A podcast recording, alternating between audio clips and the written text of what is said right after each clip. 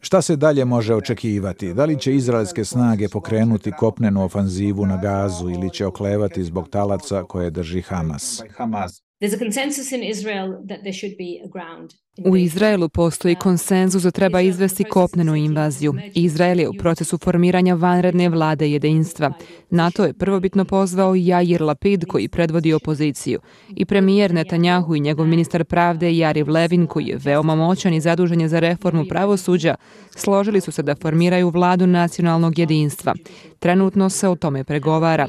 Dakle, definitivno postoji konsenzus za kopnenu invaziju.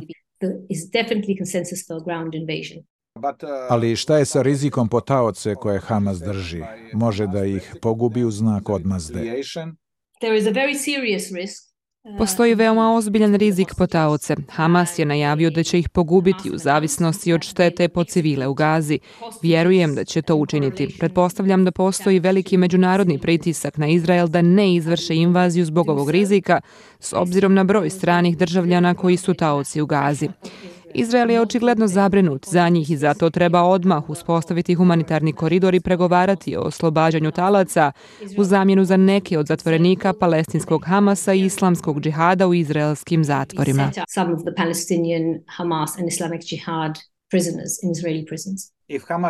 Ako Hamas ne pristane na to,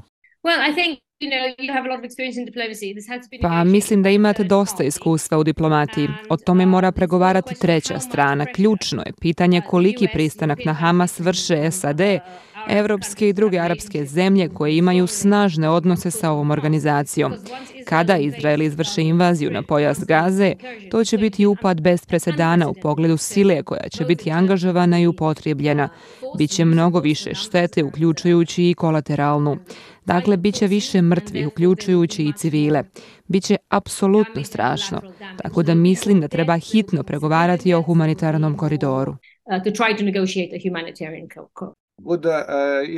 Da li će Izrael oklevati sa kopnenom invazijom zbog rizika od porasta broja civilnih žrtava na palestinskoj strani, što bi udaljilo Saudijsku Arabiju i druge arapske zemlje sa kojima je u procesu normalizacije odnosa? Um, Izrael je trenutno u šoku pošto je izgubio više od 900 civila. Mnoga tijela nisu identifikovana. U Izraelu ne znaju ko je nestao, a ko je mrtav. Stanje nekih tijela je takvo da će biti potrebno neko vrijeme da ih se identifikuje uz pomoć DNK testova. Kao što sam pomenula, postoji konsenzus da je jedini put naprijed što se Izraela tiče udar na Hamas u Gazi. Ali Izrael je veoma zabrinut za civile u Gazi. Radije bi gađao samo vojne ciljeve. Izraelske snage su pozvale sve palestinske civile da napuste kuće u određenim područjima koja planiraju da bombarduju. Ali znamo iz prethodne istorije napada u Izraelu u Gazi da su neizbježne mnoge civilne žrtve i kolateralna šteta.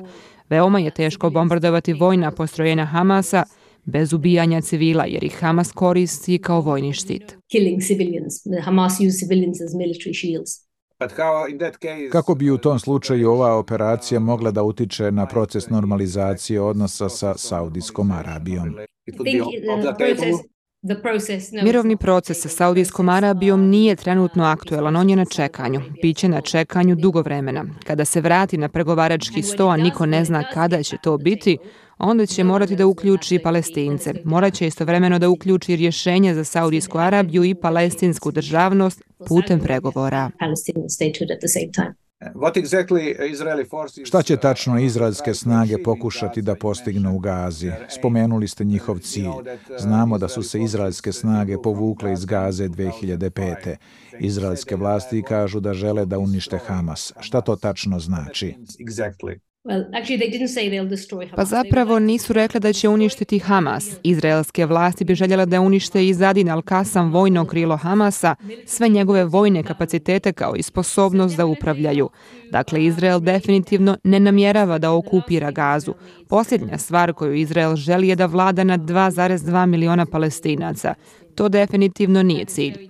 Dakle, Izraelci su vrlo jasno stavili do znanja da nemaju namjeru da ostanu u gazi that they do not intend to reinvade the strip and stay there. Da li je to moguće? It's tricky. It's very, very To je veoma, veoma komplikovano.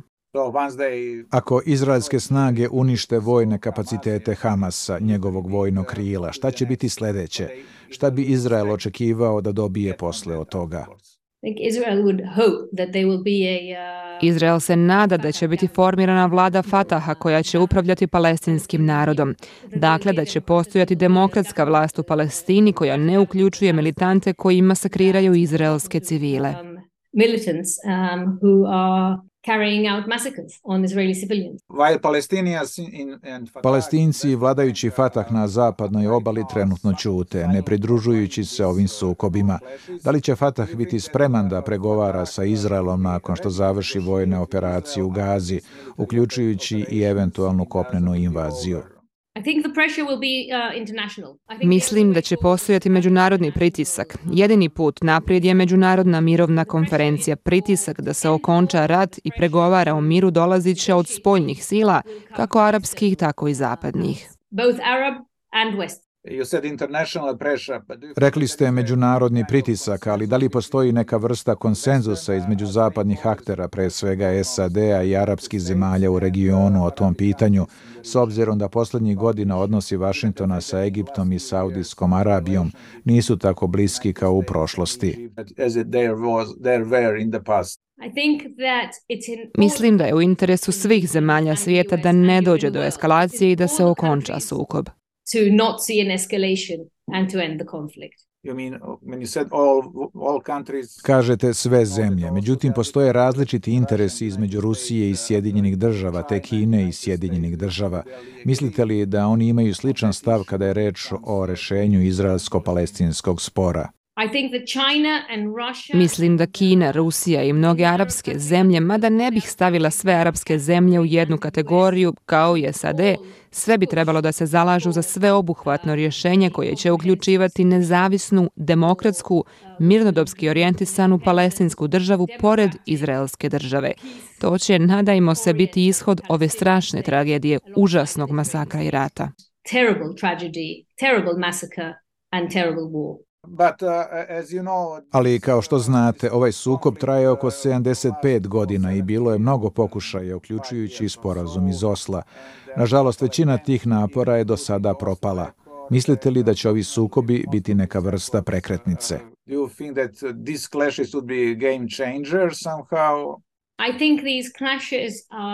Mislim da su ovi sukobi veoma ozbiljna prekretnica, da će promijeniti arhitekturu na Bliskom isteku i dugoročno jedino rješenje je mir.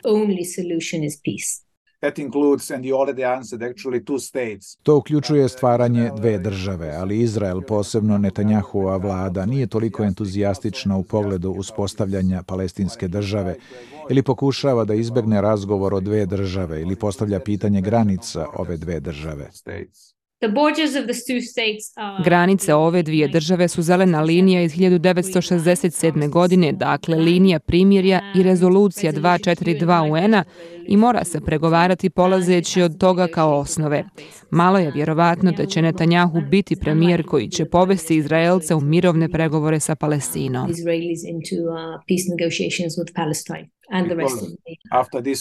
Mislite posle ovih neuspeha i propusta ne samo poslije ovih neuspjeha. To znači da rješenje od dve države nije u potpunosti otpisano, iako odavno nije u igri. Ne, mislim da rješenje od dvije države nije otpisano. Naprotiv, bit će još aktuelnije, iako je dugo van pregovaračkog stola. Međutim, to što se dogodilo u posljednjih nekoliko dana nametnuće pitanje šta ćete učiniti da to prevaziđete. I ono što treba da se uradi jeste riješiti se militanata i stvoriti palestinsku vladu koja može da pregovara o miru sa Izraelom. To je odavno zakašnjelo, ali nadamo se da će to biti dugoročna posljedica ovih sukoba. Dakle, postojaće pravi održiv mirovni proces i pregovarat će se o rješenju sa dvije države.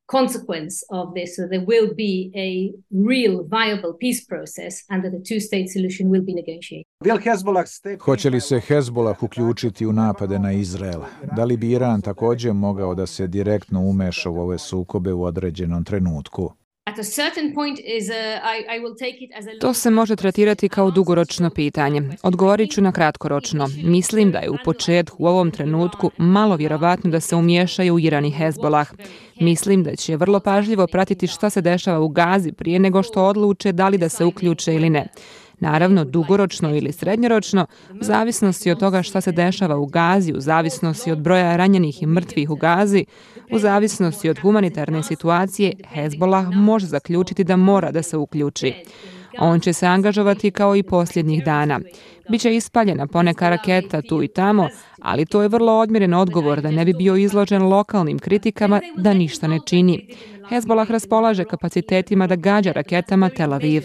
Ne mislim da će se to dogoditi u neposrednoj budućnosti, jer niko ne zna kada će i da li će Izrael napasti gazu, jer postoji mala mogućnost da američke, arapske i evropske zemlje uspiju da ga ubijede da odustane s obzirom na mogućnost dogovora o taocima.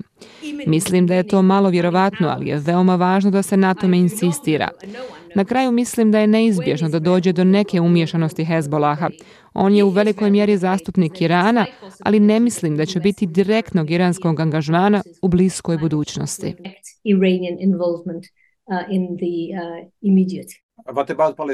A kada je reč o palestincima na zapadnoj obali,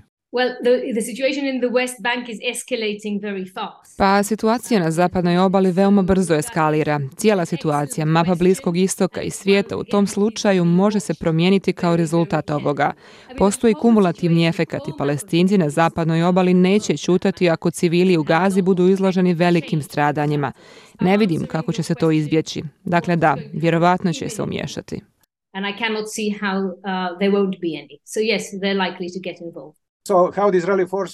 Kako su izraelske snage bile zatečene? Može li se njihov neuspeh da preduprede napad Hamasa pripisati unutrašnjim političkim podelama izazvanim pokušajem izraelske vlade da sprovede reforme pravosuđa uprkos masovnim protestima, čak i pripadnika bezbednostnih snaga?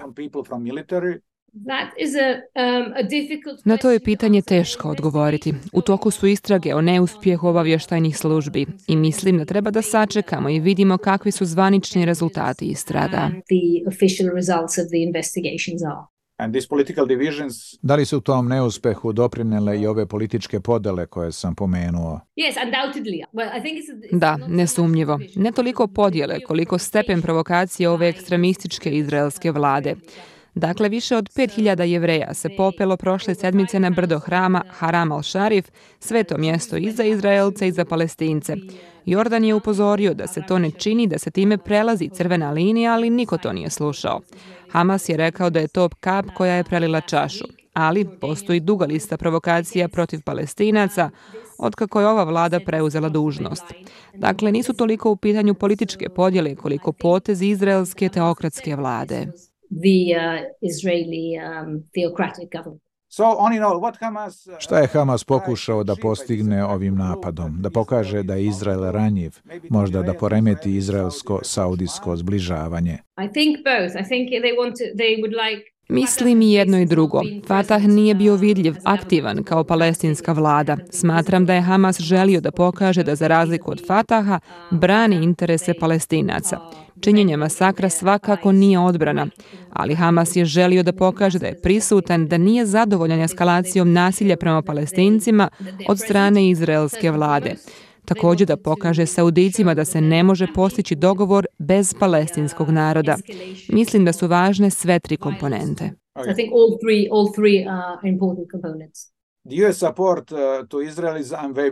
Podrška SAD-a Izraelu je nepokolebljiva, dok je reakcija Rusije za sada relativno oprezna.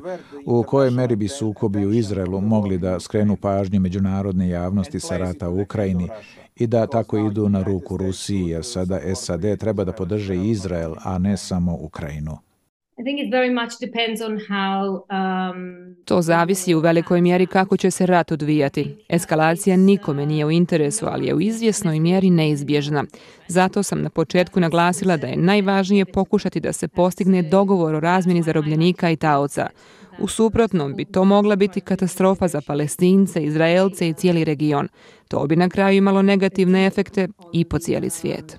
For the region and it will have knock-on effects on the world.